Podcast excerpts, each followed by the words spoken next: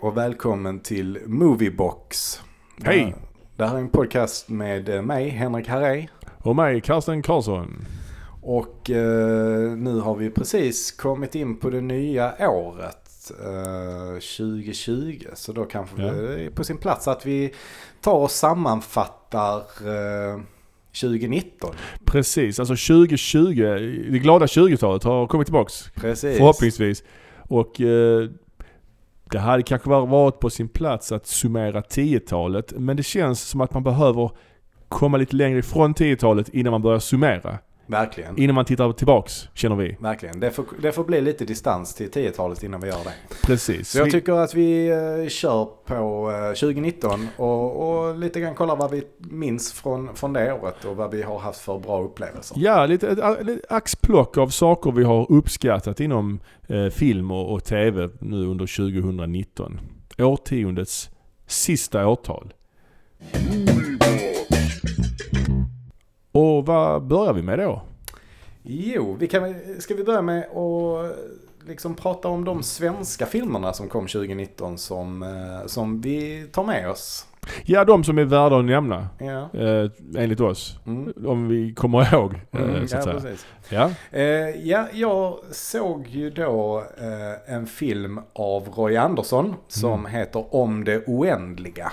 Precis ja. Ytterligare en eh, av hans eh, filmer ja. Ja, ja precis. Och, och det är ju då den, den, den fjärde delen i hans trilogi om, eh, om eh, ja vad ska man säga, Ja, jag vet inte vad man ska säga. Men den börjar ju med Sången från andra våningen och sen gick den vidare med du levande. Och sen en duva som satt på en gren och funderade på tillvaron. Ja, Ja. ungefär något sånt. Och nu kommer det om det oändliga. Om det oändliga. Och, och den här filmen, den, den påminner ju jättemycket om de andra. Alltså den, Ja. eh, liksom, hade man, bara, hade man bara hoppat in rätt i den så hade man kanske inte kunnat säga vilken av de här filmerna det var. De är ju väldigt lika varandra allihopa. Ja. I, i, liksom, I hur de är eh, fotade och, och Mm. liksom scenografin och sminket och, Ja. och eh, bildutsnitten. Ja, Och, och Ofta vida, vida bilder, inga klipp. Varje scen en tagning. Ja, precis. Grått. Mycket, mycket gråa färger. Mycket gråa och vit, vitmålade ansikten. Ja, och, och amatörskådespelare som, som levererar replikerna på ett väldigt märkligt sätt kan man säga. Ja, Som sen utgjorde en slags skola för reklamfilm ett tag. Alltså Ja. Roy Andersson gjorde ju mycket reklamfilm i det här, i det här stuket även redan på 80-talet. Ja. Men Men sen var det Trygg Hansa bland annat. Ja, och Lotto till exempel och, och Felix Ketchup. Mm. Men sen var det ju många andra som började göra sådana reklamer där de Mm. använde sig av glada amatörer som skulle säga replikerna på ett konstigt sätt Mm. liksom. Mm. Så det är nästan bildat någon slags eh, skola för det kan man säga. Ja, precis. Vasakronan tänker jag på. ja precis, Dra, Vasakronan. dra in mage. Så jag kommer förbi och fram. Ja, just det. Ja, Ja det kommer jag ja. Han ihåg. blev ju lite kändis också. Han Ja och han hade något matlagningsprogram på Utbildningsradion. Kjell Henry hette Kjell han. Henry var det. Kjell Henry, han var, han var en ex- excentrisk herre. Han gillar vi. Ja, ja, precis. Eh, ja, men i alla fall den här då om det oändliga. Mm. Eh, som sagt så påminner den eh, väldigt mycket om de andra. De andra, jag tror inte att det är en enda kamerarörelse heller i de Oj. andra liksom. Ehm, Jo, där är någon åkning i Sången från andra våningen tror jag. Ja, det är det kanske. En bakåtåkning. Ja, ja, ja. Det är den enda tror jag rörelsen Ja, i den filmen. ja. Här var det också eh, en, en eh, kameraåkning. Mm. Och det är då när man... för han, han har ju lagt in lite sådana här effekter liksom. Jaha. Bland annat ett, eh, ett par då som eh, flyger i luften. Ja, Liksom. det är ju omslaget också va? Ja, precis. Det är det omslaget. Och, och där är det då en kameraåkning där man ser en hel eh, stad som är ödelagd liksom. Jaha.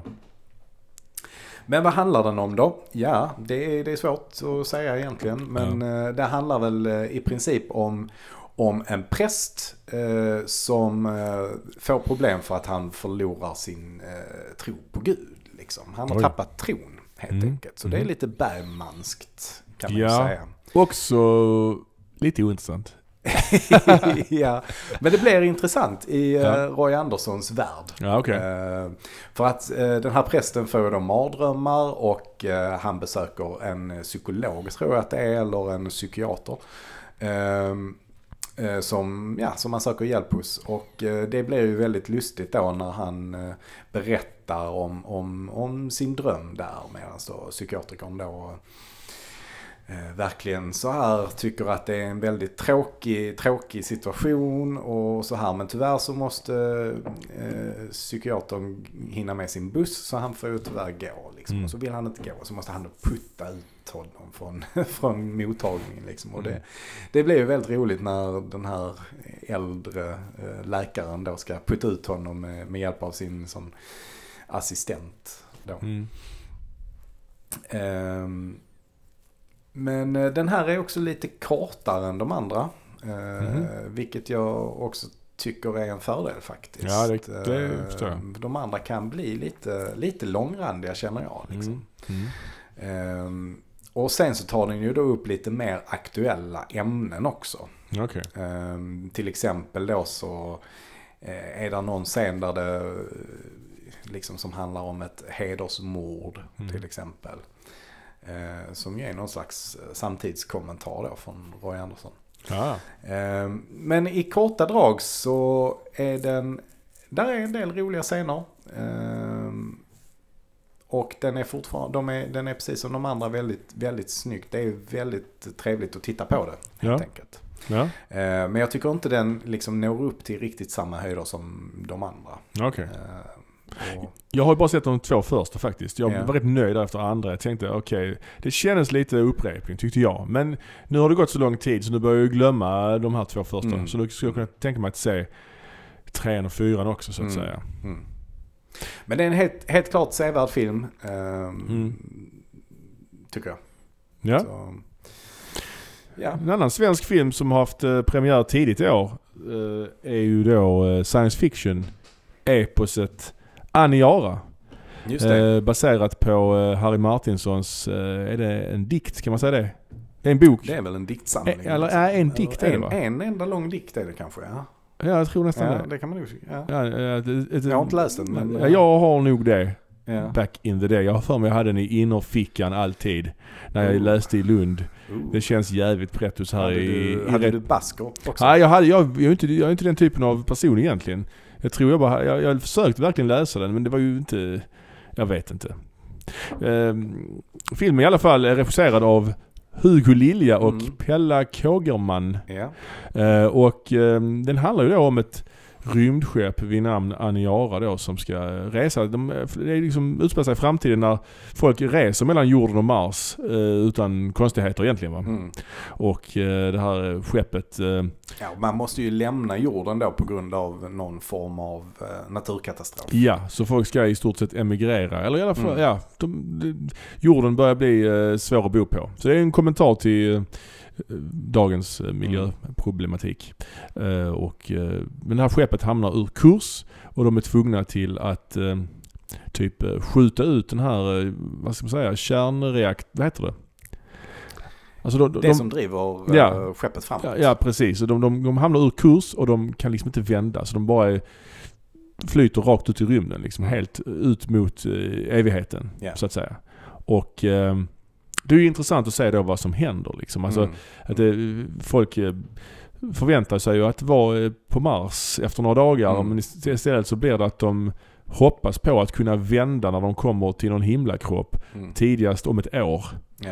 Och det är någon kvinna där som säger men jag ska ju, min son fyller år och jag ska, ja men nu, nu blir det inte så. Nu får vi vänta ett år tills du kanske träffar honom. Ja. Och ehm, Och sen de har ju livsförnödenheter och sånt så de kan klara sig hur länge som helst egentligen. För de kan ju producera egen mat och så. Liksom. ja, de kan producera, eh, först har de ju, de har ju vanlig mat där, men den tar ju slut. Men de börjar också odla alger som de äter. Och eh, det är ju rätt så enformigt ju. Det är någon som säger, någon som riktigt så god Stockholm och säger liksom att de här algerna, de är fan inte goda alltså. så att eh, då vet man att de kommer äta det. Mm. Typ, det är det de kommer ha att äta.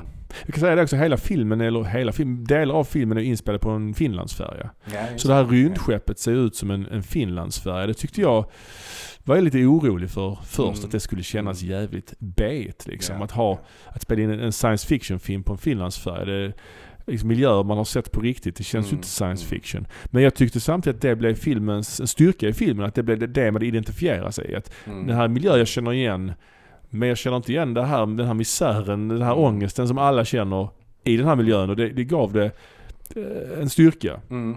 Sen kanske jag tycker att de hade någon arkadhall, de spelade arkadspel och sånt. Det Mm. kanske jag tyckte var lite för Mm. eh, nutida. Det, Mm. det skulle man nog inte gjort i framtiden, Nej, nej. tänker jag. Men i övrigt tyckte jag just att eh, själva miljön var jävligt spännande liksom. Ja.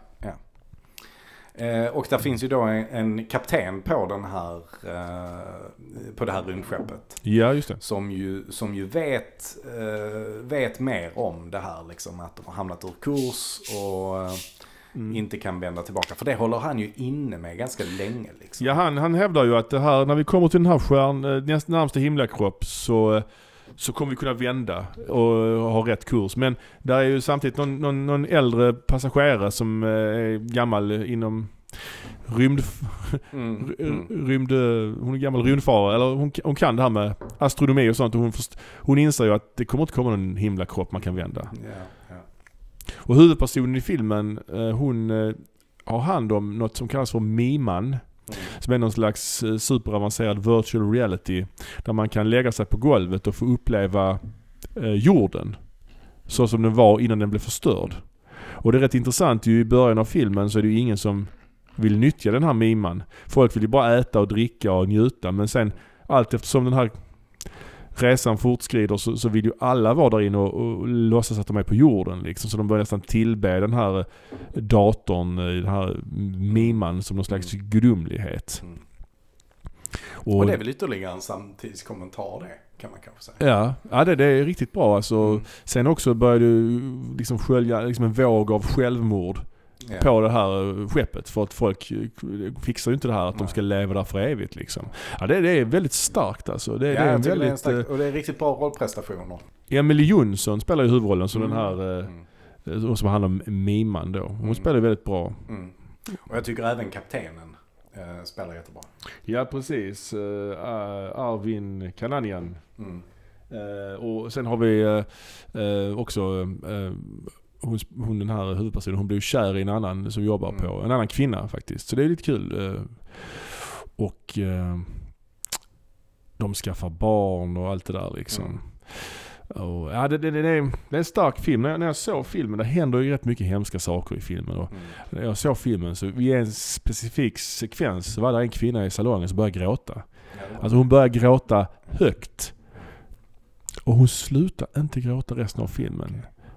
Det tyckte jag, det var, jag vet inte, jag visste inte hur jag skulle agera där. Jag tyckte dels att det var jävligt starkt att hon började gråta ju. Mm. Att hon blev så berörd. Samtidigt var det ju rätt irriterande ju. Ja. Att hon lät ändå ganska mycket, rätt Ja. länge liksom. Ja. Det är ju irriterande med folk som låter mycket när de gråter. Jag tycker man ska gråta i tystnad. Ja, på bio i alla fall. Hemma får man gråta hur högt man vill. Nej men det, det, det, det är ju liksom... du inte stör grannarna. Precis.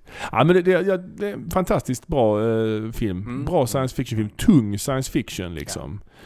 Och det är faktiskt snygga eh, effekter också. Alltså Ja, rymdskeppet ja. är eh, skitsnyggt gjort. Ja. Eh, och ja, i övrigt så är den ju ganska minimalistisk kan man ju säga. Ja, ja. Eh, Mm. Men jag tycker det funkar jättebra. Ja, verkligen. Så det var helt klart en av de svenska höjdpunkterna under 2019. Oh ja, absolut. Den stora höjdpunkten skulle jag säga inom Mm. den svenska, svenska filmindustrins eh, Mm. insats under året. Mm. Eh, ska vi prata lite om internationella filmer istället? Ja, det gör vi. Jag kan, ju- jag kan ju säga då att jag var på bio eh, och såg en film som heter The Lighthouse. Just det. Eh, och den, eh, det är ju då Robert Eggers som har gjort den här filmen. Mm. Eh, han har ju gjort en film tidigare som heter The Witch. Just som det. jag faktiskt inte har sett. Ja, den har jag sett. Jag har inte Ja. sett The Lighthouse dock. Nej. Men eh, The Witch var väldigt eh, bra. Jag blev jättepeppad att se den men det blev aldrig av. Eh, men det, det ligger nog nära till hands. Så nu gick jag i alla fall istället så The Lighthouse. Och den är också, spelar, utspelar sig också i dåtid så att säga. Ett, ett historiskt drama kanske man kan säga. Ja. Det utspelar sig på 1890-talet och den handlar om två fyrvaktare. Som kommer ut till, till en ödslig ö med en, ett fyrtorn på. Mm. Och deras uppdrag är då att hålla eh, fyren eh, vid ljus. Eh, och fyrvaktarna spelas av Willem Dafoe och Robert Pattinson heter han. Precis, ja. Eh, den, den nya Batman. Precis. Han som är även med i Twilight-filmerna. Ja. Och eh, filmen är svartvit och den är inspelad i 4.3-format. Ja, ja, ja. Det är ganska, ganska ovanligt ju att man använder. Eh, och jag tänkt på det att det måste ju vara jäkligt svårt att liksom sätta alla bilderna i 4.3 liksom. Eh, Ja, så att det, det ligger ju en riktigt stor bedrift bakom detta liksom. För att, Det är en mer kvadratisk bild ju. ja, Mm. precis. Lite som Instagram kan man ju nästan säga. Ja, precis. Den är ju helt kvadratisk. Eh, Men den är otroligt snygg, Mm. eh, den här filmen. Eh, Och, och det, det liksom gör det ännu mer imponerande att man har lyckats göra den så snygg i 4.3-formatet. Liksom. För det, Ja. det är ju mycket som får plats i varenda bild. Liksom. Så varje Mm. bild är ju uttänkt. Liksom. Mm. Och sen så eh, tycker jag ju att det är riktigt bra skådespelarprestationer av Pattinson och eh, Defoe. Mm. Eh, de, de pratar ju liksom, alltså manuset är inspirerat av gamla, liksom, eh, vad heter han, Herman Melville eh, böcker. Det är han som Mhm. skrev Moby Dick. Ja. Eh, Men, men även sådana här loggböcker från riktiga fyrvaktare. Och så då har man då tittat på språket liksom och eh, skrivit dialogerna efter den typen av språk man använde då. Liksom. Mm.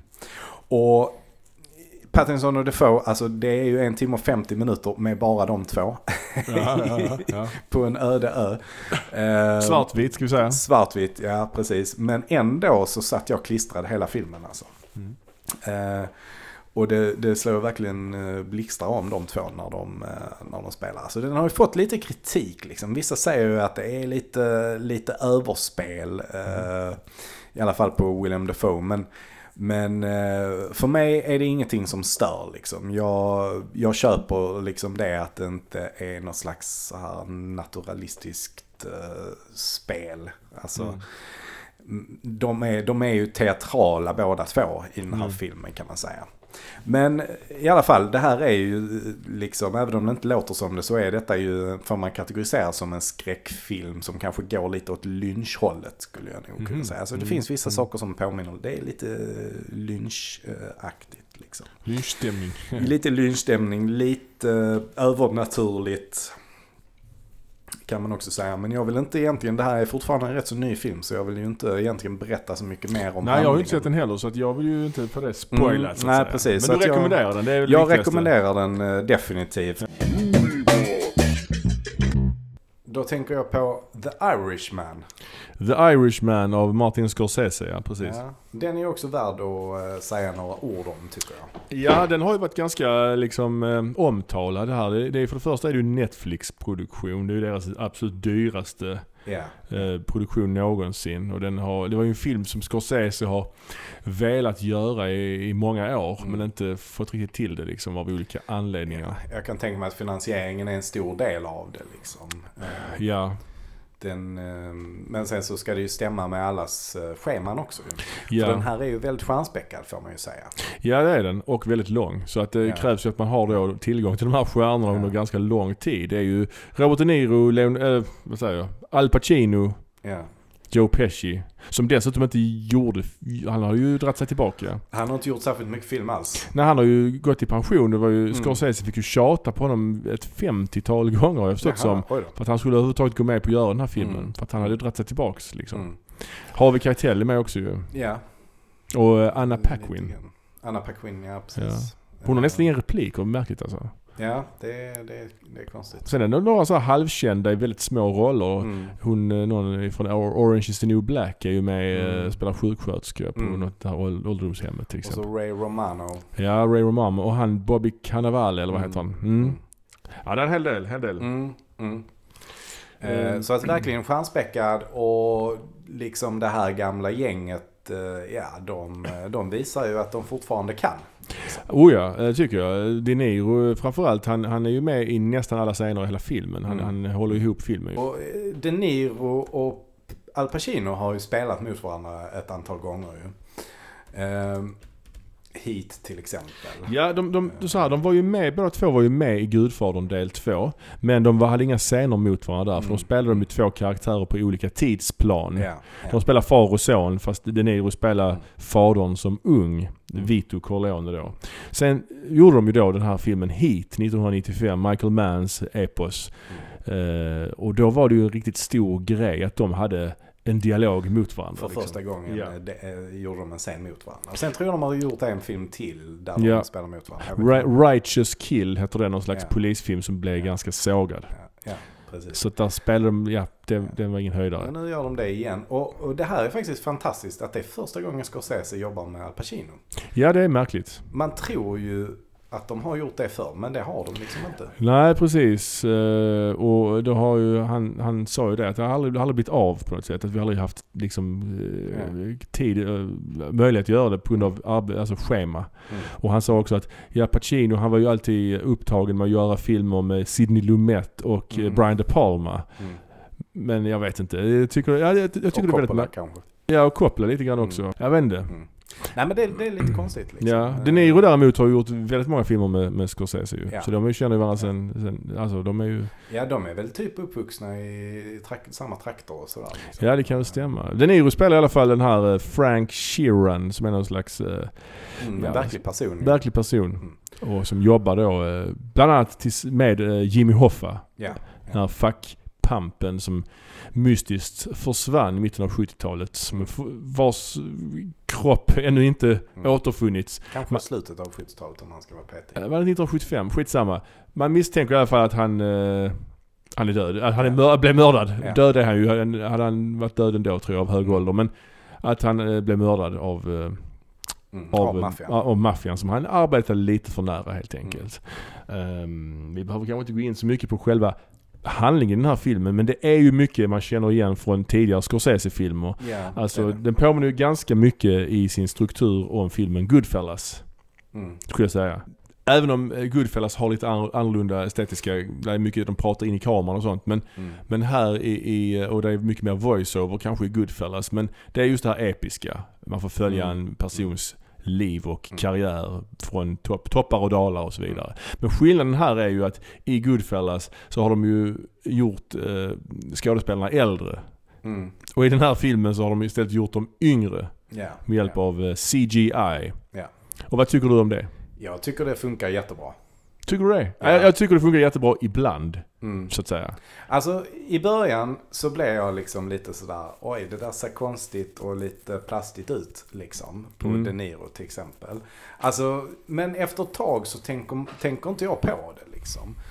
Eh, alls. Faktiskt. Ja, jag, har lite svårt faktiskt att, att veta hur ung är han här och hur gammal är han? Alltså, Mm. Man säger att de har gjort hans hår mörkare och så vidare. Mm. Men samtidigt så tycker jag ändå att man ser på näsan, det är mycket större. Alltså näsan växer ju lite när man är äldre också Mm. liksom. Mm. Kan inte, ja, hur gammal är han? Och sen Mm. en sak de inte har lyckats göra är ju kroppsspråket ju. Ja. Pacino ska ju inte vara så jävla gammal egentligen. Nej. Nej.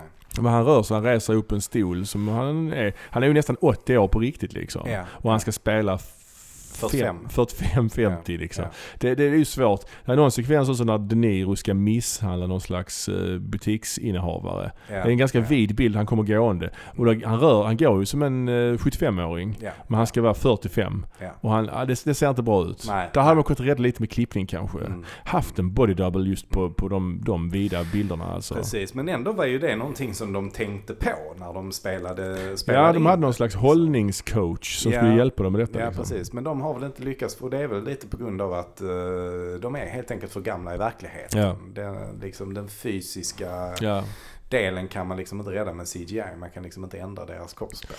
Liksom. men ja. men det, det, finns ju, det är ju intressant. eh, För här finns det ju faktiskt lite bakommaterial. Trots att detta är en Netflix-film så har ju. Netflix spelat in en liten... ehm, en liten feature med, Mm. eh, alltså intervjuer En sån round table discussion kan man säga. Ja, och då pratar de ju om just detta liksom. Så att Ja. det var ju någonting som de tänkte på liksom och ändå försökte. Och jag kan, jag kan ändå också hålla med om att jag eh, upplevde det som lite störande liksom när jag såg det. Att de, de, Mm. de kroppsspråket är konstigt. Det är ju ett märkligt val att göra. Filmen måste ju blivit oändligt mycket dyrare och mer komplicerad att göra i och med detta valet. För, Ja. för, för normalt sett så har man istället två skådisar ju. En som spelar den gamle och en som spelar den unga versionen. Mm. Och det funkar ju, funkar ju ibland, ibland är det svårt ju. Mm. Men vi tar Gudfadern till exempel, tvåan där. Det är ju De Niro spelar ju, i och för sig, det är ju inte samma film, men De Niro spelar ju Marlon Brandos karaktär fast Mm. som ung. Mm. Eh, det är ju inget konstigt med det. Nej, Det är ju i och för sig inte samma film där, men det finns ju andra exempel eh, var, jag kan inte komma på någonting nu bara för det, men Mm. eh, där folk åldras och spelar olika åldrar liksom. Samtidigt så är det ju att de här skådespelarna är liksom filmens selling point. Ja, det, så är det ju och det är ju därför. Ja. Liksom. Men i och med att man hoppar fram och tillbaka så mycket. Hade det varit att han först var ung och sen blev gammal. Mm. Nu är det ju att han är ung, gammal, ung, gammal. Ja. Då hade man nog ändå klarat sig med att ha en annan skådis att hoppat med. Mm. För nu är det ju att De Niro, hade han bara spelat den gamle, hade han ändå återkommit flera Mm. gånger liksom. Jag vet inte, jag tycker ändå det är en...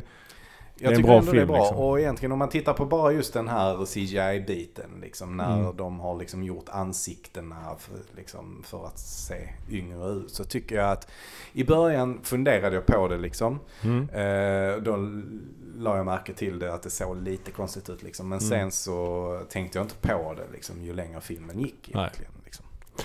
Men jag tyckte det var en, en njutning att se det här de sitter och snackar och dricker vin och käkar. Visst, Mm. det har man ju sett förr. Folk sitter, italienska Mm. mafioser sitter och pratar liksom sitt snack. Men det är ändå gött alltså.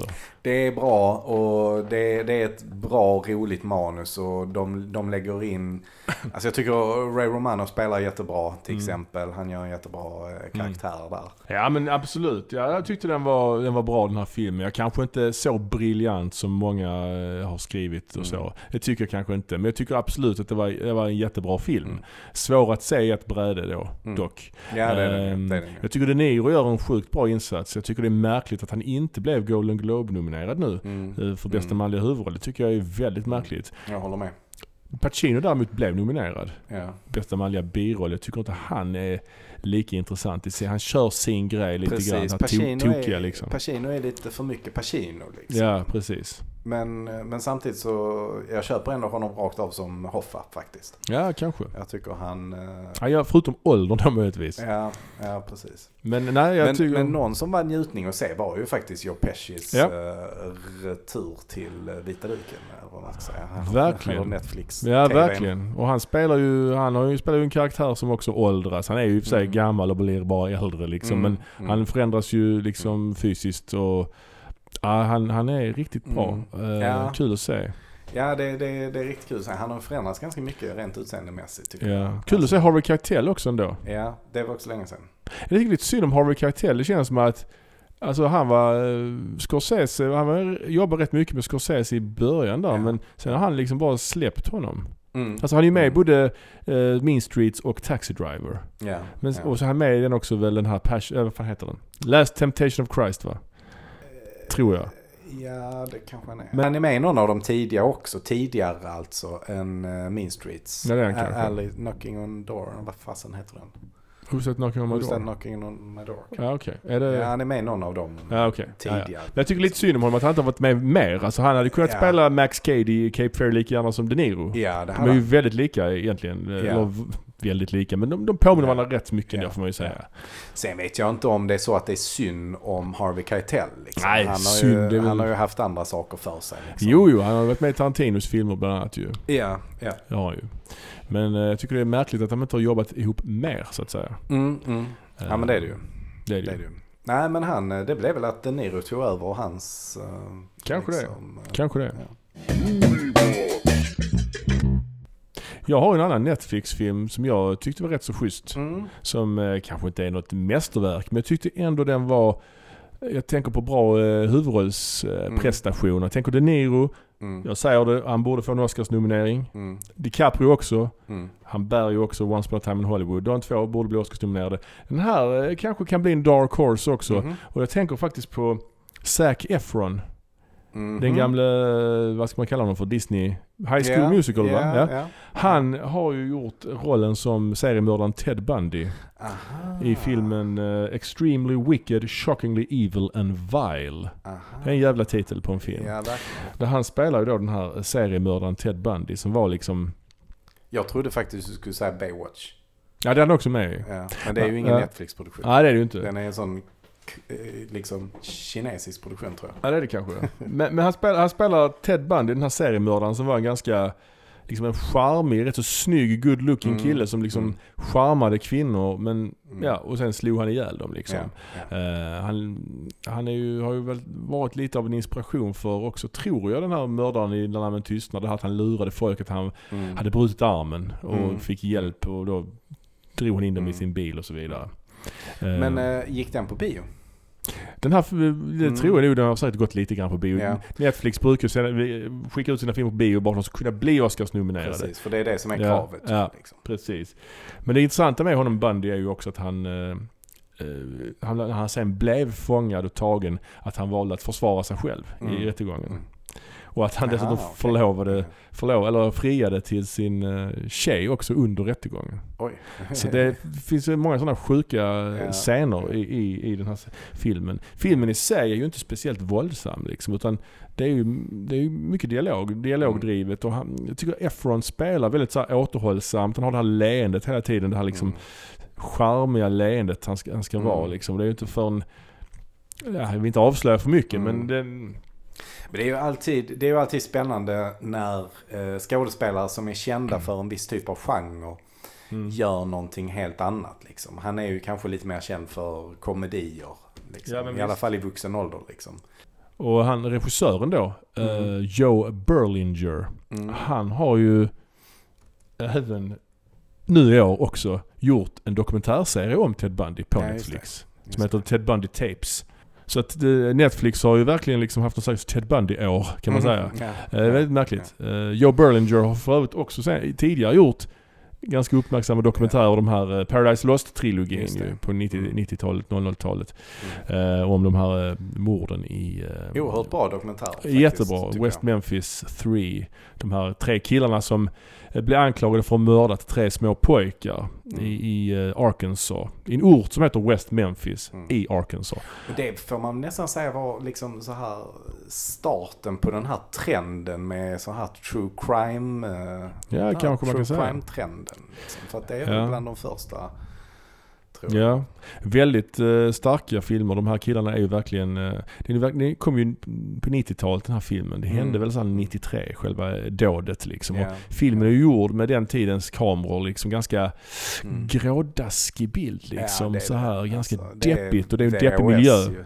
Ja, nästan på. Typ. eh, Och det är en deppig miljö också liksom. Ja, och ja. folket där i den här stan är ju ganska, de är övertygade om att de här killarna är skyldiga liksom. Att de ska brinna i helvetet och så Mm. vidare. Men så gjorde han ju en uppföljare som heter eh, Paradise Lost Revelations. Mm. Och sen kom en uppföljare till som heter Paradise Lost Purgatory. Den kom Mm. inte från så här 2011, 12 något sånt. Så det, Mm. det var ju nästan som Mods-trilogin. Att de gjorde de här Ja, filmerna med ganska lång tid emellan liksom. Ja men det är så intressant att följa alla andra karaktärer också tycker Ja. jag. Bland annat den här, är han styvpappa till den som blir mördad. Ja, han är ju ger- övertygad om att de är skyldiga. Och sen, början, sen ja. börjar man Ja. ju tro att han har gjort det typ. Ja precis. Och sen visar det sig i sista delen att han den här styvpappan misstänker någon helt annan.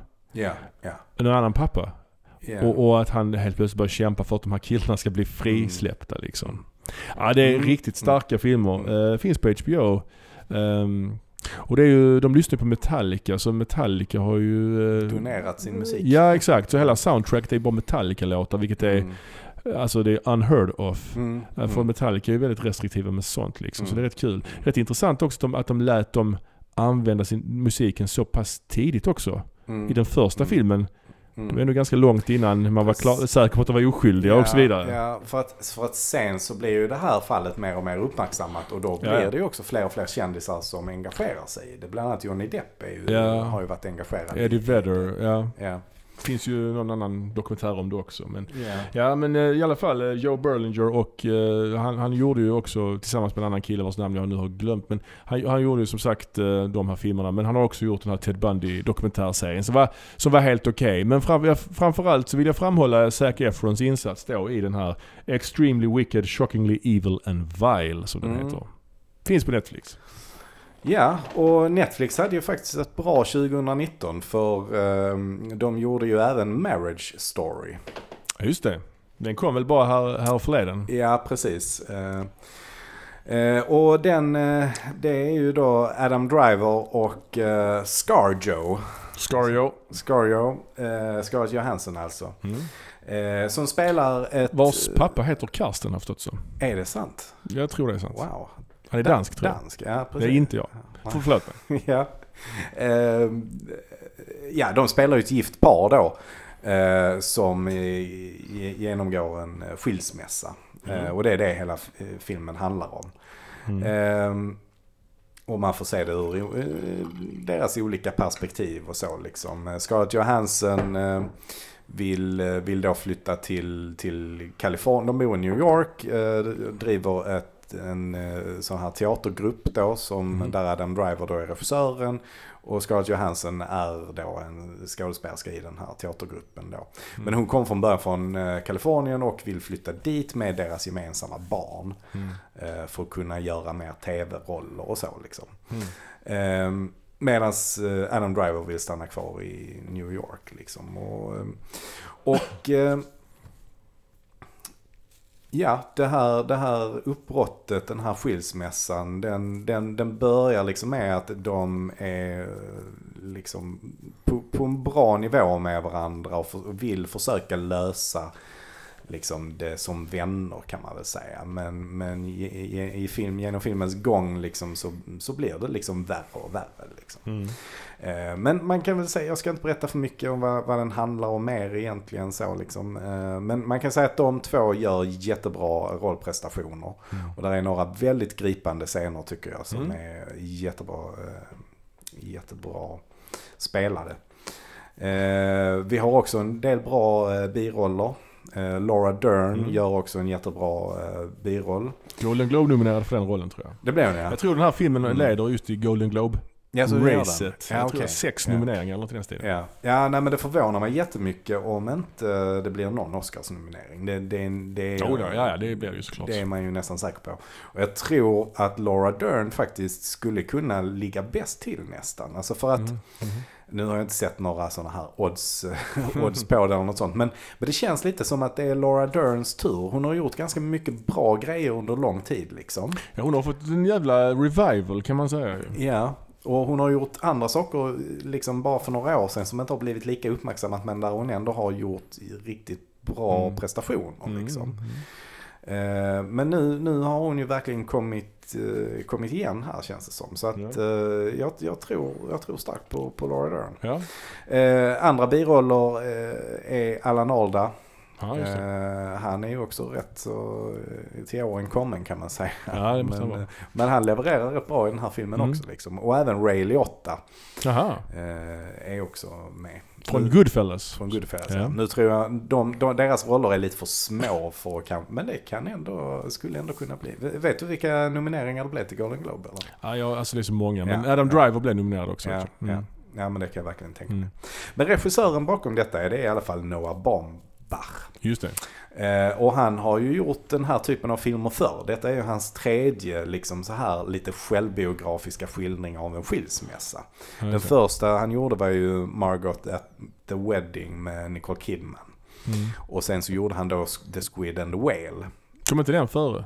Jag det är det. möjligt Ja. att den gjorde. Det spelar ingen roll. Eh, men, men eh, alla de här är på något sätt självbiografiska. Även om Mm. man inte kanske riktigt vill eh, kalla det för självbiografiskt. Men Mm. jag har för mig att jag läst någonstans att, i någon intervju att att han menar att liksom Margaret the Wedding är, för att han har själv genomgått, alltså att hans föräldrar skildes när han var liten. Mm. Liksom. Så Margaret the Wedding skildrar det ur hans mammas perspektiv. Mm. Och The Squid and the Whale skildrar då hans pappa i det här uppbrottet. Medan då den här The Marriage Story skildrar hans egen skilsmässa liksom. För han var tidigare gift med Jennifer Jason Lee. Ja. Eh, och Ja. de, eh, de eh, skilde sig. Ehm, och ja, det finns, ju, eh, det finns ju en del kopplingar till Kramer mot Kramer. Ja, jag tänkte på den finns också ju. En, en del Absolut. likheter Ja. liksom. För att det här är också en vårdnadstvist som det handlar om. Ja, men här får man väl följa båda föräldrarna. I Ja, Kramer mot Kramer är det ju mest pappan. Ja, det, det får man göra. Och eh, ja, jag skulle säga att eh, liksom till en början så skildras det väl ganska jämnt ur deras perspektiv liksom. Medan det tar kanske mer och mer eh, att man får följa honom lite mer. Eh, mot slutet i alla fall. Eh, Och det är verkligen en sevärd film som Ja. är ganska, eh, ganska, ganska avskalad och väldigt, eh, liksom känns väldigt realistisk. Eh, att liksom även om man, man försöker lösa det på ett bra sätt så, så blir en skilsmässa kanske aldrig riktigt bra ändå. Liksom. Mm. Ehm, Mm, Så Ja. att den, den tycker jag alla ska se. Ja, jag tänker, vi, jag snackade ju Ted Bundy innan. Där kan vi Mm. prata om ett fall av eh, psykisk ohälsa. Kan Mm. man ju säga. Mm. Lugnt säga. Ja, Och det får man, man att tänka på nästa film som kanske är den mest uppmärksammade filmen i år. Och det tänker jag på Joker av Todd Ja. Phillips. Med Joaquin Phoenix i rollen som Jokern. Jokern. Joker. The Joker. Ehm, och den här filmen, den har ju blivit som sagt väldigt uppmärksammad. Ehm, och jag, jag har lite funderat kring varför den har blivit det. Mm. Alltså den handlar ju om en ståuppkomiker som är misslyckad och han drömmer om att vara med i en talkshow. Och eh, sen börjar han då klä ut sig och anamma någon slags personlighet, någon clownpersona. Och, eh, och det är ju då den här Jokern som då är, är med i Batman. Det är ju, den- det är ju en DC-produktion. Men man har valt att göra en liten twist på det och förlagt handlingen väldigt tidigt 80-tal. 80-81 där någonstans. 81 va?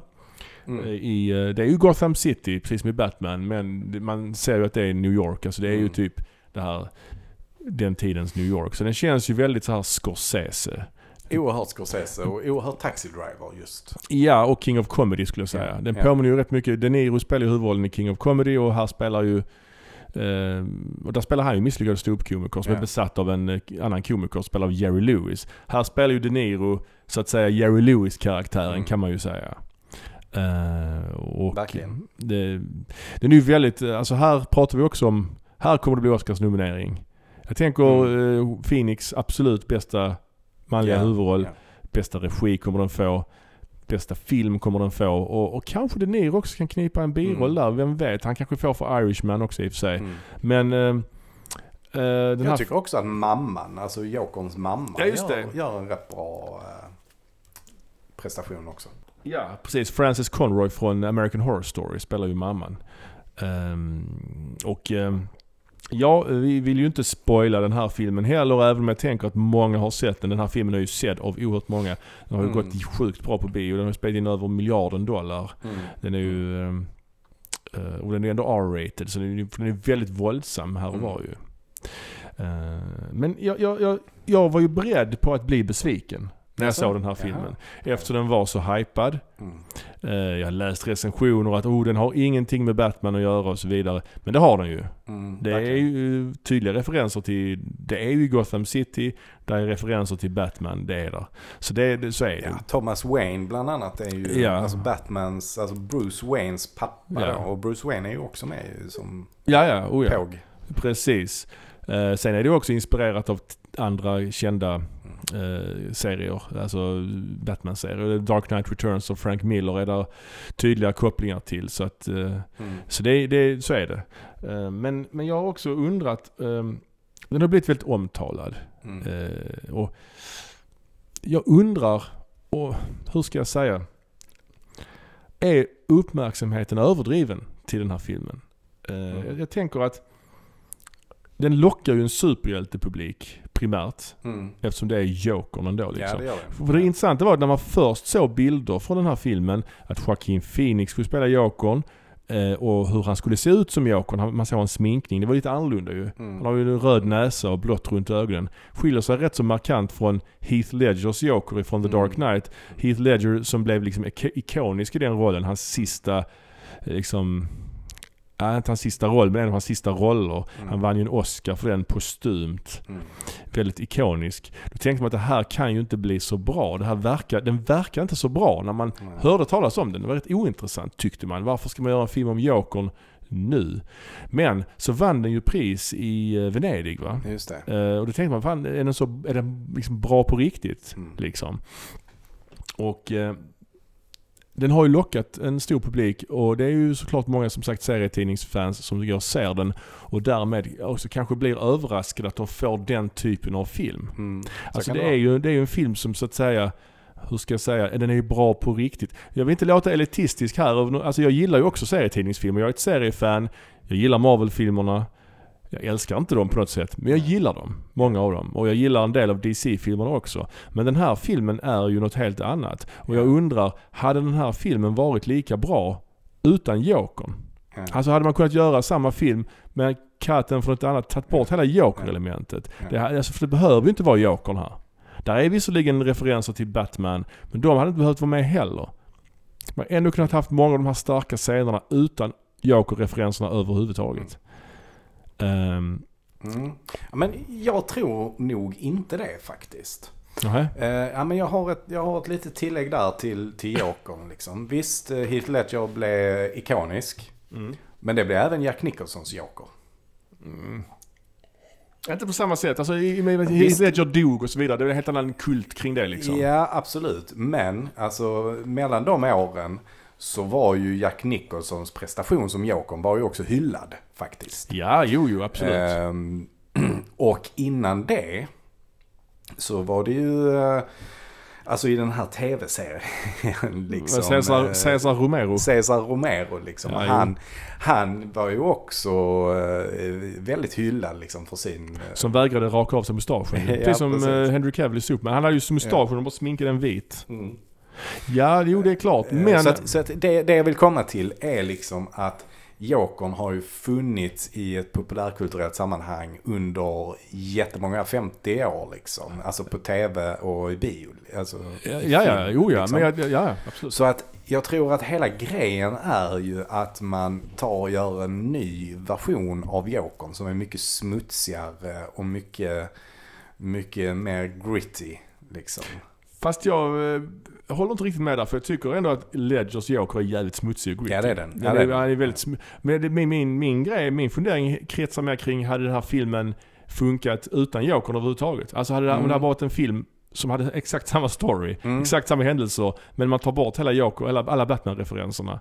Då hade det ändå varit en jävligt bra film. Ja, ja, men, ja, precis. Ja, men det håller jag med om. Ja. Den hade, filmen hade funkat, men den hade inte fått en miljard uh, biobesökare. Nej, det, det, det är självklart. Men min, min Eller en Alltså- miljard biobesökare var det inte. Nej det var det inte. Var sjätte människa på jorden. Nej, nej jag tänker bara, min, min, grej, min, min, min tanke är bara Tycker man den är bättre än vad den egentligen är? Alltså jag tycker det är en skitbra film. Men jag tänker bara att man går och ser, man går och ser en film som heter Joker. Man förväntar sig ändå kanske lite mer superhjälteaktigt. En, en, publik som är van det här låter också kanske märkligt. Jag går själv och ser bara såna här filmer i stort sett på bio. Superhjältefilmer höll jag på att säga. Nej det gör jag inte. Men man, man förväntar sig det och får en film som är så att säga finkulturell. Man får en Scorsese-film. Mm, Man är inte van vid att se Scorsese-filmer. Fan, film kan vara det här. Mm, Så här bra kan en film vara. Eh, liksom. Om man jämför det här med Avengers Endgame liksom. mm, Att man lär känna karaktären i ganska långsamt tempo. mm, Eh, brutalt våld med blod. Alltså, många människor eh, kanske inte alls var beredda på det. Men om man har sett eh, liksom King of Comedy och Taxi Driver mm. eh, så är man ändå, man tycker ändå Jokern är bra. Men man eh, har sett eh, mycket av den här typen av film förr. Mm. Förstår du? Mm. Där, där, därav... Det är det jag menar att jag inte riktigt förstår kontroverserna kring det. Uppmärksamheten. Alltså det är en Nej, bra film. ja. Fine, det är en bra film. Det är det ju. Men det i sig är ju inte jättekonstigt. Nej. Att en film är bra. Nej. Tänker jag. Det som kanske är konstigt i sammanhanget är att det är, eh, vad heter han, Todd, eh, Philips. Todd Phillips som har gjort den. Ja, han gjorde Hangover va? Eh, ja, precis. Ja, det är ju konstigt. Och han har kanske gjort några fler sådana komedier. Jag vet inte om han har Ja. gjort Anchorman kanske eller något i den. Nej, det är inte Nej, han som har gjort den. Men han har gjort andra av den typen eh, liksom av filmer. Eh, och då nu helt plötsligt går över till att göra eh, våldsamma psykopatfilmer. Ja, det är konstigt. Och det, det, det trodde man kanske inte att det skulle hända och att han skulle kunna hantera det så pass bra. Nej, det, jag tycker, som sagt jag tycker det är en bra film och, och, och allt det där. Och den är stark, starka Mm, scener mm. liksom. Men eh, jag var ju, jag, jag blev positivt överraskad för jag var beredd Mm. för att bli, besvi, att bli, att bli besviken. Jag blir Mm. alltid så rädd för det när saker och ting blir hypade. Mm. Liksom. Men jag tänker att om man Men jag- förväntar sig någon film som påminner lite mer om Justice League. Ja. Eller om man är van vid att se den typen av film. Eller så här, man vet att man ska få se en film som inte påminner om, om Justice League sådär jä- jättemycket. Men, man, man, men det är ändå den typen av film man ofta ser. Mm. Då kanske man tycker det här är jättepowerful liksom. Mm. Mm, Om ja. man, alltså, förstår du? Ja, ja precis. Och, och det är ju på grund av att det är Jokern liksom, som den når till en helt annan publik. Skulle jag tro. Än om det bara var en, eh, liksom, inte en känd karaktär. Ja men så är det ju. Ja, men så, det är ju Ja. självklart. Ja. Jag bara tänker just att, eh, just eh, liksom... Ja, nej, men jag är med på vad du menar. ja. Ehm, men jag tror också mycket av kontroversen kom ju i USA liksom. Mm. Och det var ju den kontroversen som återrapporterades här. Och där Ja. handlade det ju mycket om att skulle de verkligen visa den här eh, med, med risk för vilka dåd som skulle kunna inträffa liksom. ja precis, för det har hänt något liknande tidigare ju. Ja, Det var ju en kille som eh, öppnade eld inne i en biosalong ju. ja, När de visade den förra Batman-filmen ju. ja. Och han var ju också lite utklädd till Jokern då. Det var ju. Heath Ledgers Joker då väl tror jag. Kanske. Eh, ja Han försökte vad- efterlikna. Eh, vad- eller det vet jag inte. För Jag har för, för mig att jag har hört att han bara gick in på en random eh, biovisning. Nej det var den filmen som visades. Jo, jo, men att det inte var planerat att det var den filmen. ah, okej, ja det är möjligt. Det Ja. vet jag inte. Ja. Men såklart en, en av de mest sevärda filmerna förra året. 2019. Ja, precis. Eh, och och eh, helt klart värd en massa nomineringar. Jag tror Phoenix kan ta hem det. Det kan han, ja. Bästa manliga huvudroll. Ja. ja, nej men alltså det är ju, ja, Adam Driver är ju en het kandidat också. Ja, och De Niro i Och De Niro. Irishman och Mm. DiCaprio i Once upon a time in Hollywood. Och sen Mm. vill jag då flagga, om vi nu bara har fem namn, Ja. så vill jag slänga in Zac Efron som en liten joker Mm. i leken.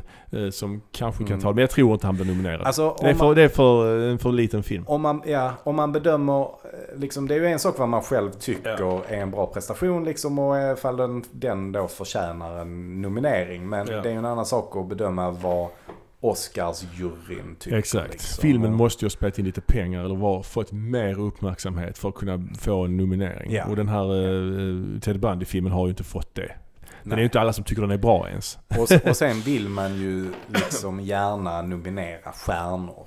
Liksom. Ja. Och Zac Efron är ju en stjärna men Mm. inte för den typen av film. Nej men det är det som är lockande också, att han gör Mm. någonting out of his comfort zone Ja. och, och gör det så pass bra alltså. Ja, jag tycker, eh, ja, jag vill slänga in honom där. Jag tror, men jag vill nog helst att DiCaprio tar det alltså. Jag tycker han är svinbra i Once upon a time in Hollywood alltså. Ja. Jag tycker det. Jag tycker det. Ja, jag tycker nog att han har gjort faktiskt bättre prestationer. Ja, det kanske han har, men just Liksom. ändå, just han, Men, ja, ja, det vet jag ja. inte. Nej, jag, jag, är, jag är nöjd med alla, alla namnen vi har pratat om. Ja, nej, men jag har en film till som jag tänkte nämna lite snabbt. Också en Netflix-film. Mm? Polar heter den. Har du sett den? Nej, Jonas Åkerlund va? Ja, precis. Jonas Åkerlund. Ja. Eh, så det är ju lite kul att få med ytterligare någon svensk på listan.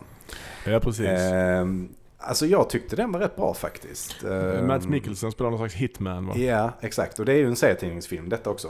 Ja. Eh, och, och jag tycker att det, det är... Alltså den är, det är ju en serietidning, alltså bygger på en serietidning och jag tycker att han ändå kommer ganska mycket till sin rätt här, Jonas Mm. Åkerlund. För att tittar man på hans långfilmsproduktioner liksom, så tycker jag inte de har varit jättebra. Nu har jag i och för sig inte sett eh, den här näst senaste Lords of Chaos. Nej, det har inte jag heller. Men jag, eh, ja, ja, jag håller med. Jag, jag tycker att han har, han har inte varit så lyckad i långfilmsformatet. Han är ju musikvideoregissör naturligtvis till, till vardags och där är han ju en av de mest hyllade. Ja, Men han har inte gjort- jättebra musikvideo. Jag har inte sett någon bra långfilm av honom kan jag inte säga. Nej, Spoon har han gjort till exempel. Just det. Eh, den var inte jättebra. Och sen har han även gjort Horseman, vad det någon som hette. Eh, Och sen har han gjort en som heter Small Apartments. Mm. Eh, han återanvänder vissa av de skådespelarna från, från de filmerna, bland annat eh, eh, Johnny Knoxville eh, till exempel. Ja, ja, ja. Gamla Jackass. Ja, ja Mm. precis. Han dör i sig väldigt tidigt i Polar. Men, Ja. men jag, jag tycker ändå att den, den funkar som ren underhållning. Och jag Mm. tycker man ska kolla på den. Bra, bra action, Mm. bra, bra berättat i serietidningsformatet liksom. In den. Ja, det får du göra. Göra det. Sen har den ju tyvärr inte fått jättebra kritik. Så jag är Nej, ganska, det är därför jag inte har kollat in den. jag är ganska, ganska ensam kanske om att Ja. tycka att den var bra. Men Ja. som underhållning är den... eh, Ja. Ehm, och sen några, en annan serietidningsfilm var ju Shazam som också kom 2019. Som, Mm. som vi har behandlat Mm, redan. trevlig och film. är en väldigt bra sevärd film. Jag kan också bara nämna som hastigast filmen Glass. Ja. M. Night Shyamalans eh, tredje del i den här Unbreakable-trilogin. Mm. Som, jag, som också har fått ganska ljummen kritik, men som jag tyckte ändå var rätt trevlig Mm. alltså. Mm. Jag tycker om Unbreakable jättemycket. Mm. Och Split, eh, som, som var så här stealth sequel. Det vill en uppföljare man inte vet är en uppföljare förrän i slutet. Mm. Eh, den tyckte jag också om eh, väldigt mycket. Och den här tredje tyckte jag ändå hade sina poänger. Mm. Så att den, den har, kom också tidigt i 2019 då ju. Mm. Um, ska vi gå vidare till televisionens underbara värld? Ja, det gör vi. Ja, vi tänkte prata lite grann om några tv-serier som har varit värda att se under året som gått. Mm. Vad, har, vad har vi för någonting?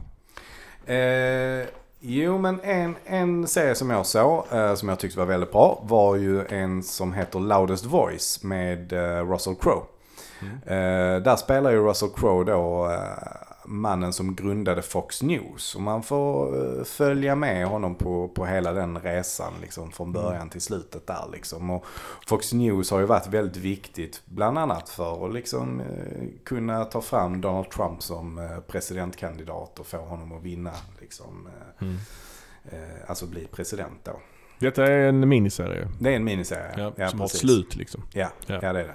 Eh, HBO tror jag. Ja, det är det. Mm. Och eh, Russell Crowe är också Golden Globe-nominerad tror jag för, för sin insats. Ja, ja. Eh, Och där är många bra eh, skådespelarprestationer eh, i övrigt också. mm. Ehm, som, som Russell Crowes fru så har vi ju, oh, nu har jag tappat namnet på henne men hon är ju också fellow Australian. Eh, Naomi Watts. Naomi Watts, precis ja. Eh, hon, hon gör också det riktigt bra. Eh, den här har väl också fått lite ljummen kritik tror jag. Men, eh, men jag tyckte den, var, tyckte den var jättebra och väldigt, väldigt intressant. Mm, jag har hört mycket gott om det. Mm. Den Mm. ligger på min lista. Eller nej, det gör den inte. För det går inte att lägga det på sin lista på HBO. För det är så Nej. jävla dåligt. Ja, man kan dåligt. lägga ett avsnitt på sin lista, men man kan inte lägga en hel serie på sin lista. Jag visste inte man kunde lägga ett avsnitt heller. Och man kan inte lägga hur mycket man vill heller på sin lista. Det finns en Nej. viss gräns. Du kan bara lägga 30 grejer på din lista. HBO är inte bra eh, Nej. som app alltså. Nej, nej. Ja. De har ju också haft en annan miniserie i år som jag kan bara nämna lite grann. Den här Mm. Big Little Lies kom ju med en säsong två. Mm. Jo, det var ju inte Mm. meningen att det skulle bli en säsong två. För det Nej. var ju... Säsong ett var ju tanken att det var slut. Men de Mm. gjorde ändå en, en uppföljare säsong som jag ändå tycker funkade. Ja, det tycker jag också. Eh, Jättebra. Ja, funkar jättebra. Och Meryl Streep är med och gör en fantastisk rollprestation. Ja. Även om jag ibland tyckte det var lite... De har ju spökat ut henne rätt rejält med löständer och peruk. Jaså? Ja, Ja. och jag tycker att det kan vara lite för mycket. Att Ja. man märker att hon spelar, hon är så medveten om sina löständer. Mm. Att hon agerar mycket med dem så att säga. Det är ju ändå en fantastisk Meryl Streep show hela, hela den säsongen. alltså. Ja, men jag tycker ändå Nicole Kidman är ju också fantastisk Ja, ju. ja. Och, och eh, jag gillar även Reese Witherspoon, hennes så här eh, att hon hela tiden ska ha den här perfekta ytan utåt. Men Ja, in, in, eh, hemma är det inte bra. Men hon, det, är- hon, det är det bästa hon har gjort skulle jag säga i mitt tycke. Reese Witherspoon. Ja. Tycker hon är riktigt bra. Och återigen Laura Dern ja, Laura Dern också är där jättebra. Mm. Och sen ska vi faktiskt inte, vi liksom får ju bara inkludera alla här. För det är, Zoe Kravitz är ju också bra. Ja, just det. Just bra. det. Även om hon kanske har den lite mer... Eh, hon är ju lite trasig i säsong två. ja, Hon säger inte ja. mycket där. Nej, nej. Eh, men nej, det är Big Little Lies säsong 1 och 2. Uh, Mm. Säg dem om ni inte har gjort Mm. det. Men en annan serie jag tänkte, tänkte ta upp. ja, jag kan ta upp den. En trotjänare egentligen som jag tycker ändå håller måttet fortfarande. Det är ju Stranger Things. Mm. Jag tycker, det, jag Mm. tycker det är supertrevligt att kolla på. Även om liksom varje säsong känns ju som, oh, det, det kommer en ny säsong ändå. Att Mm. de lyckas. Jag tycker det är imponerande att de lyckas få till en ny säsong. Att de ändå lyckas hålla igång den här storyn fast den egentligen tog slut känns det som i säsong ett. Mm. Även om de Mm. lämnar lite cliffhangers. Säsong tre kändes ju att man tog en annan vändning där med den här, Mm. några ryssar som har infiltrerat eh, köpcentrat och så Mm. vidare. Men det, Jag tyckte det var rätt jobbigt alla scenerna med Winona Ryder och ehm, ja, han eh, polischef. Ja, David Harbour. David Harbour. Alltså Ja. de, är ju, de är ju så jäkla gnabbiga och bråkiga i alla scener hela tiden. Ja och sen Winona Ryder, hon, hon var ju typ huvudperson i säsong, eller hon var inte huvudperson, men hon var ju stora namnet i säsong ett. Men hennes karaktär har ju inte så mycket att göra längre. Nej. nej. Alltså hon är bara, liksom känns som att hon, Mm. hon är med, hon har skrivit kontrakt på, Mm. på detta och hon är med. Hon, hon har ju inte så mycket att göra. Nej. tyvärr, det är synd. Jag gillar alltid gillat Winona Ryder såklart. Jag också. Och David Harbour har jag tyckt har varit jättebra också. Liksom. Mm. Men här blir det tyvärr väldigt tråkigt när de bara... Alltså det blir så mycket Mm. återupprepande. Däremot så, så tyckte jag scenerna med det här eh, ena gänget då. De som ska infiltrera. Mm. Eh, de som ska försöka bryta sig in då. Ja, de som är i glasskiosken där med, Ja, precis. med, Ethan Hawks och Uma Thurmans dotter där. ja, Jättebra. Ja, ja, riktigt bra samspel mellan Ja. dem. Ja, Stranger Things tycker jag ändå håller flaggan högt Mm. fortfarande. Det blir väl en ny säsong men de får skynda sig lite för de här Ja. barnen växer ju. Så att Mm, eh, de, de, mm. ja. Precis. Eh, Game of Thrones avslutades eh, kan Ja. man nämna. ja, det får man göra. Det, det var ju un, under eh, stora klagomål. Ja, precis. Eh, många var besvikna på den sista säsongen. Det har vi redan eh, pratat om i tidigare avsnitt. Ja, detta hände ju innan vi började med vår podd överhuvudtaget. Den här Mm. avslutningen. Mm, men det är ju eh, intressant ja. hur folk, förbannade folk kan bli. ja, precis. Och ja, nej men det, visst hade man önskat sig ett bättre öde för Lannistörna. Eh, ja, bland annat. Bland, Bland annat, ja. dem. Ja. Ja, absolut. Men, men ja, jag är inte så... eh, Jag har ju eh, kommentarer. Jag tycker det är ett rätt... Jag tycker det är inte Ja. det värsta som hade kunnat hända. Nej, jag tycker solen, ändå... solen går upp imorgon också. Ja, jag tycker det fanns ett par avsnitt som var bra. Till säsongen i sig var väl på det stora hela rätt tråkig men jag gillar ju det här slaget vid Winterfell mot The Night King. Även om Mm. det skedde väldigt tidigt. Det borde ju... Man borde dragit ut på det. Ja, Det är liksom... ja. Det blev lite ett antiklimax på ett sätt. Men själva s- det avsnittet med, med slaget var ju väldigt eh, häftigt. Mm. Och man, oförutsägbart får jag säga. Det man kan säga är väl att eh, de här eh, som ligger bakom som har producerat serien D&D Just det. eh, de Ja, det, det, det sjönk ju liksom efter att de inte hade några böcker kvar att liksom bygga det på. Ja, så är det ju. Så kan man väl sammanfatta det. Ja, VIP avslutades också. just det. En otroligt framgångsrik eh, komediserie. Julia Dreyfus har ju typ eh, prenumererat på Golden Globe. Eh, Hon är även känd för eh, filmen Troll. ja, Och lite också känd för Seinfeld. ja, precis. Lite Ja. grann. Ja. Nej, men det, det, jag tyckte det var en fantastisk serie. Den eh, kan man se på HBO. Mm. Eh, många, många bra, roliga karaktärer.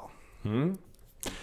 Eh, En annan serie som, som jag tycker, som jag verkligen såg fram emot säsong två av, det var ju Mindhunter. eh, David Finchers eh, seriemördarserie på Netflix. Som handlar om två FBI-agenter, de som myntar begreppet seriemördare som sagt. Och de, eh, det handlar ju om att de intervjuar olika kända seriemördare. Bland annat då i den här säsongen så intervjuar de ju Charles Manson Mm. och även Son of Sam. Vilket är ju trevligt ju. Det är Mm. ju spännande. Sen är det också intressant att följa de här två huvudpersonerna som är väldigt trasiga. Den ene Mm. genomgår ju någon slags eh, äktenskaplig kris och den andra är rätt så trasig rent psykiskt också. Mm. Sen gillar jag det här murriga 70-talsstämningen. Det här liksom väldigt try- tryckta, deppiga Mm. liksom. Mm.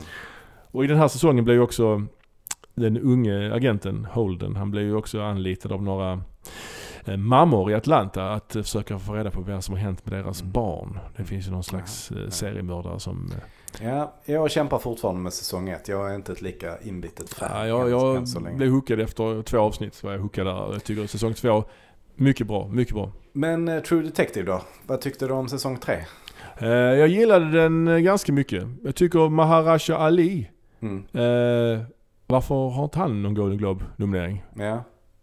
Han gör en Faktiskt. fantastisk, fantastisk rollprestation. Han spelar tre olika Tre olika äh, Ål- åldrar. åldrar. Ja, Ja. eh, och det, det har vi nämnt tidigare också. Men, men ja, jag tyckte den var... Den höll inte hela vägen ut. Men jag tycker skådespelarprestationerna var fantastiska. Ja. Så kan man jag, väl säga. jag, jag håller med dig. Det som är lite tråkigt är ju att den har ju fått typ, alltså den första säsongen var ju den som gick publikmässigt allra bäst. Men den Ja. andra säsongen fick ju väldigt dålig mottagning liksom. Ja, precis. Eh, Och mycket klagomål och sådär liksom. Men den gick ändå rätt bra tittarmässigt liksom. Men den här har inte alls gått lika bra.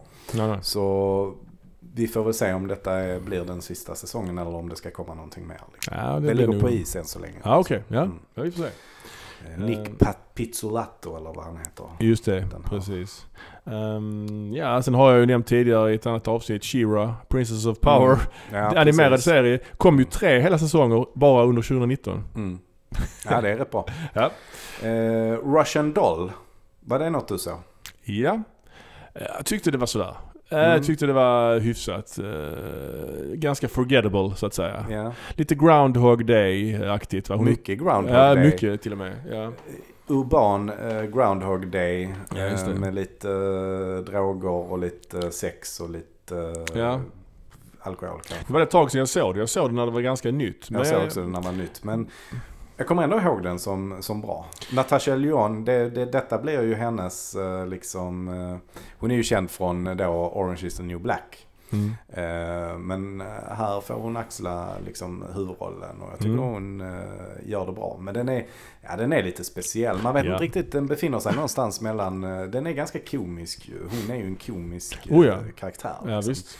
Men den är ändå samtidigt behandlar den lite vuxna ämnen. Liksom. Sen var det ju kul också att man fick helt plötsligt följa den här killen också. Att han Mm. också upplevde det här att Mm. återuppleva samma dag hela tiden. Mm. Uh, jo men det, det, Men det, intressant, Det, ja, det kommer väl en fortsättning tror jag. Ja, Det det tror jag. tror jag också. Ehm, Black ja. Mirror, såg du Black Mirror? Ja, tre avsnitt kom ju. Besvikelse skulle jag säga. Mm. Mycket svag säsong. Mm. Det var bara tre avsnitt som sagt men ja, svagaste hittills. Mm. Ja, Eh, jag håller med. Så det är synd. Men kanske ändå rätt påkostat tror jag. det tror jag säkert. Miley Cyrus var säkert inte gratis. Nej det var hon nog inte. Men svaga stories och Ja, eh, ja. däremot tyckte jag om den här Bandersnatch-filmen men den kom ju förra året innan dess, 2018. Eh, men jag hoppas att de eh, tar sig i kragen och Mm. anlitar lite bättre manusförfattare. Mm.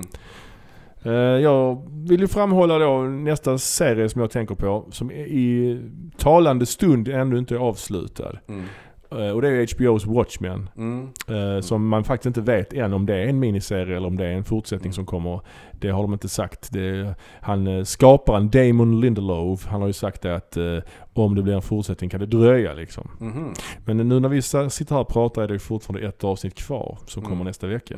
Ehm, ja, och den är baserad på serieromanen av Alan Moore och David Gibbons. Fast Alan Moore får ju inte cred. Han, tar ju inte, han vill ju inte ha cred. Nej, han vill inte vara med. Han vill ju inte nämnas vid Han namn. vill väl inte vara med på något. Vi för Vendetta är han väl inte med Inget på. av hans uh, serieverk har- som har filmatiserats har han... med Sean Connery, Nej. Mystery. Men det är intressant är att han... League of, nej, League of Extraordinary Gentlemen, det, ja. Men det intressanta är att han tar ju inte betalt heller. Han vill ju inte ha pengar för det heller. Så att han har ju tackat nej till all ersättning också. Ja. Det är ändå starkt. Ja. Det är miljoner liksom vi pratar om. Ja, definitivt. Eh, Så att eh, han har valt att behålla sin liksom, Don't integritet. it. Ja, han I är don't- fascinerande. I don't need your money. Alan Moore.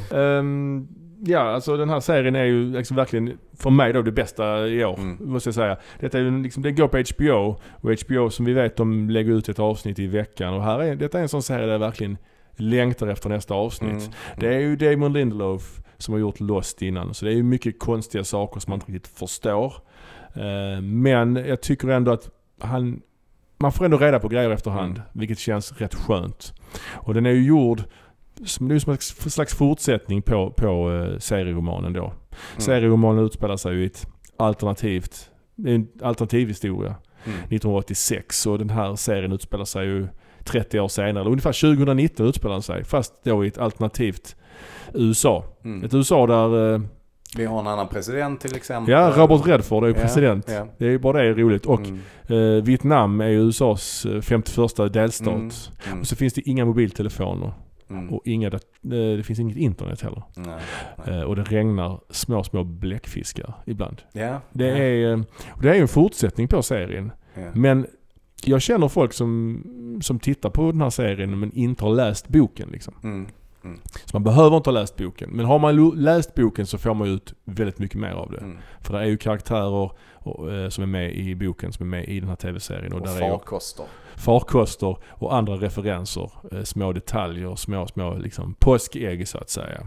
Och den spelar, är de jobbar mycket med allt, liksom flera parallella eh, tidsförlopp samtidigt och flashbacks. Och, ja, det, det är mycket bra. Och, och det här med flashbacks eh, har jag ju lite problem med. Liksom. Alltså?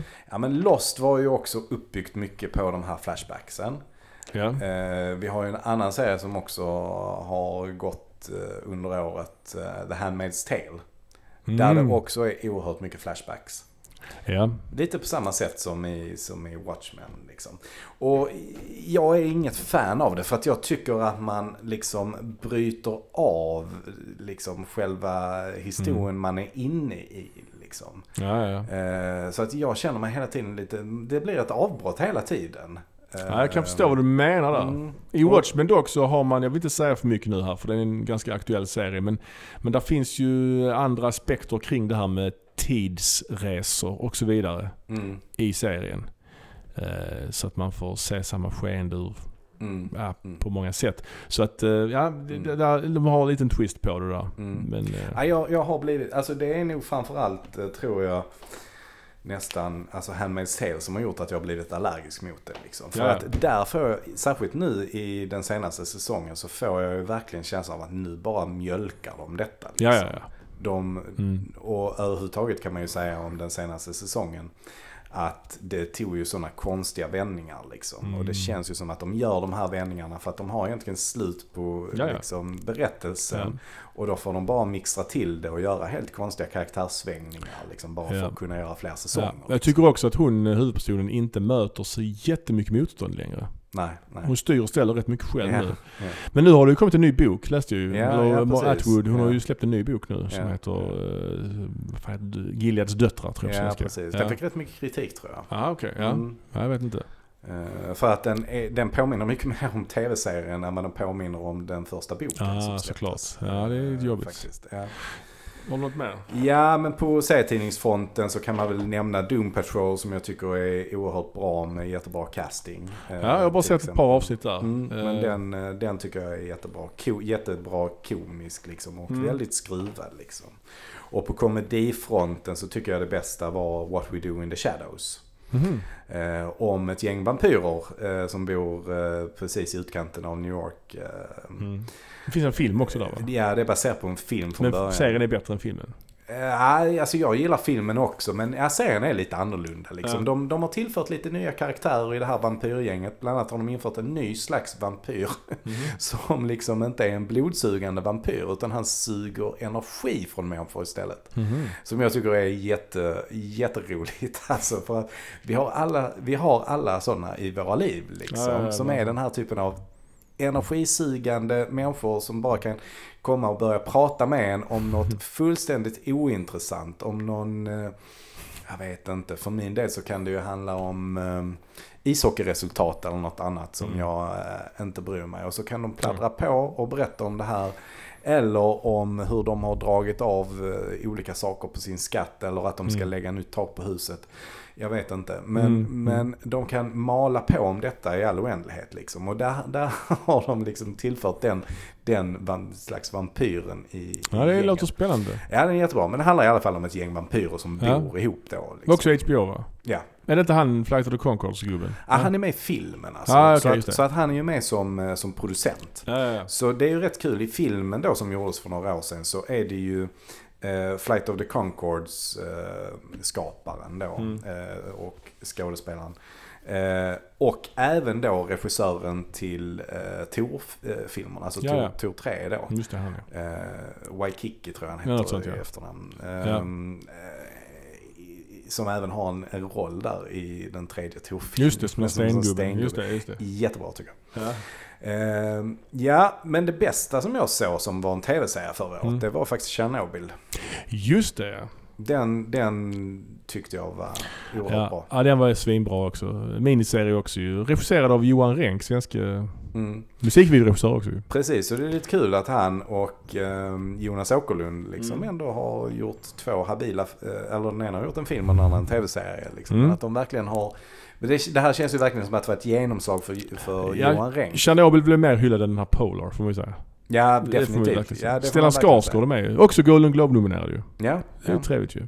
Ja, den handlar ju om den här eh, katastrofen i Tjernobyl 1986 ju. Och ja, den är, den är, den är så stark alltså. ja, den är jätte, jättestark. Och det är allt från skådespelarprestationerna, det är många bra ju. Mm. Eh, han, uh, Jared Harris till exempel. Richard Harris släkting på något sätt. Jag tror det, ja. Mm, Brorson eller något sånt tror jag. Ja, det kan vara. Ehm, spelar ju då huvudrollen liksom Mm. som den här fysikern då, Ja, liksom, som, som kan, som, som kan vetenskapen kring det. Liksom, kan Ja. berätta vad innebär det egentligen Ja. med det vi håller på med här. Liksom. Och Skarsgård spelar någon slags eh, regeringsrepresentant som bara vill. Först bara vill lägga locket på men sen inser Mm. att de måste nog göra någonting. Och man inser ju fy fan hur jävla nära det var att i stort sett att eh, Mm. halva jorden gick under höll jag på att säga. Men. Det var ju, de snackar ju i termer som att de behöver utflytta hela Ukrainas befolkning som är så här Mm. 30 miljoner. För Mm. man kan, kommer att kunna Mm. bo där Mm. om det här sprider sig. ja, precis. Ja, och Fares Fares är med också. Ja, David. Dencik är med som Gorbatjov. Just det. Så att den är ganska packad med Och svenskar. eh, hon, Emily, vad fan Emily? Watson. Watson ja. Mm, hon är ju också skitbra. Ja det är hon. Och, och eh, det är ju en stark scen jag kommer att tänka på är när de har de här Geigermätarna. De ska Mm. mäta radioaktiviteten. Och Ja. de har ju mätare som bara går till 1,5 Mm. eh, röntgen. Ja, ja. Nej 3,5 röntgen tror jag det är. Mm. Det är max. Och de mäter och den mätaren slår i, i taket liksom. Mm. 3,5. Och då säger de ja det, det, är ju, det är ju inte bra men det är ju ändå inte katastrof. Nej. Men sen får de in nya mätare, sådana riktiga proffsmätare. Och då säger de, ja det var inte 3,5 röntgen. Det var 15 000. Fy. och, Oh då, god. och då kommer Ja. de fram till att det är, vad är det, två Hiroshima-bomber eller vad, fyra Hiroshima-bomber Mm. om dagen i strålning eller till den Mm. stilen. Mm. Och det är så Ja, sjukt. det är vidrigt alltså. Och Mm. en annan stark scen är ju när, när de här dykarna ska liksom ta sig in och stänga Mm. av någon vattentillförsel eller vad det är för någonting. ja. Och Ja. när de närmar sig så bara, bara släcks deras uh, ficklampor. Ja, precis. Och de är under, under härden där. Alltså det, är, ja, det, är, ja, ja, det är sjukt alltså. Det, och det har hänt på riktigt, det är så starkt alltså. ja, Jag ja. minns ju detta när jag, från när jag var liten. Alltså jag Mm. var ute i trädgården och skulle ta lite gräslök. Och min pappa skrek på mig, nej det kan vara radioaktivt. Mm, För det kan ju vara en sån nedfall där liksom. mm, Det är liksom så jag bara, oh shit. 1986. ja. Ja, det, det, var, det var nog eh, årets tv-serie för min del tycker jag. Ja den var riktigt bra. Mm. Riktigt och bra. och det, de, ja, men de, de hade ju gjort ett gediget uh, bakomarbete och de, de släppte ju även en podcast. Eh, de Just det. släppte eh, ett podcastavsnitt samtidigt Ja. som, eller precis efter att det hade sänts ett avsnitt av Ja serien. just det, med mer fakta. Ja, ja precis. Och som Ja. sagt, mycket, mycket byggde ju på verkliga personer liksom. Eh, Emily Watsons karaktär var ju kanske ingen riktig person. Men det var Nej det var flera personer har Mm. kombinerat till en karaktär bara för att Ja. förenkla Ja. berättandet liksom. Mm. Ja, precis. Eh, sen fick den ju såklart kritik från ryskt håll. Liksom, Ja, just det. Att, eh, att det inte var alls så det gick till. Ja, de skulle göra, ville göra en egen version Ja, tror jag sen. ja, såklart. Eh, Men de säger ju att, eh, att det var tur att det här hände i Ryssland på något sätt. Att, att de att- hade så mycket folk de kunde... De var ju beredda att offra folk för att det här skulle fixa sig. Vilket är ju hemskt såklart. Men Och de kunde lösa sådana saker som kanske inte skulle gått att lösa någon annanstans. Men liksom, precis. med månlandare som du kunde få in och lägga på taket som kunde ja, just det. putta ner de här radioaktiva bitarna. Liksom. Ja, just det. Alltså, Ja, ja, vilken, vilken, vilken kaos liksom. ja verkligen. Ja men det, det, det, det var starkt. Det var också, jag håller med dig, det är det absolut den bästa miniserien i alla fall. Mm. Eh, och eh, ja, vi får se helt enkelt Mm. vad 2020 har i sitt sköte för eh, filmer och serier. Mm. Det, det kommer väl säkert bli en hel del spännande. Det är ju Mm. ett stort eh, streamingkrig på gång där eh, de olika tjänsterna försöker toppa varandra med content. Mm. Eh, vi får ju Disney Plus här i Europa nu i vår också. Och Apple TV Plus måste ju fortsätta spotta ut nya grejer för att Mm. ta upp kampen med Netflix då som har en massa också i pipen. Liksom HBO. Och sen kommer det säkert mycket trevlig film på bio. Mm. Det blir det säkert. Ja, med, med det så vill vi väl önska alla lyssnare som lyssnar. Vi har ju lyssnare från olika delar av världen. Det är lite spännande. Vi har ju lyssnare både i Sverige och USA och någon i Colombia och Mm. Hongkong. Hongkong har vi haft någon lyssning. Venezuela, Spanien.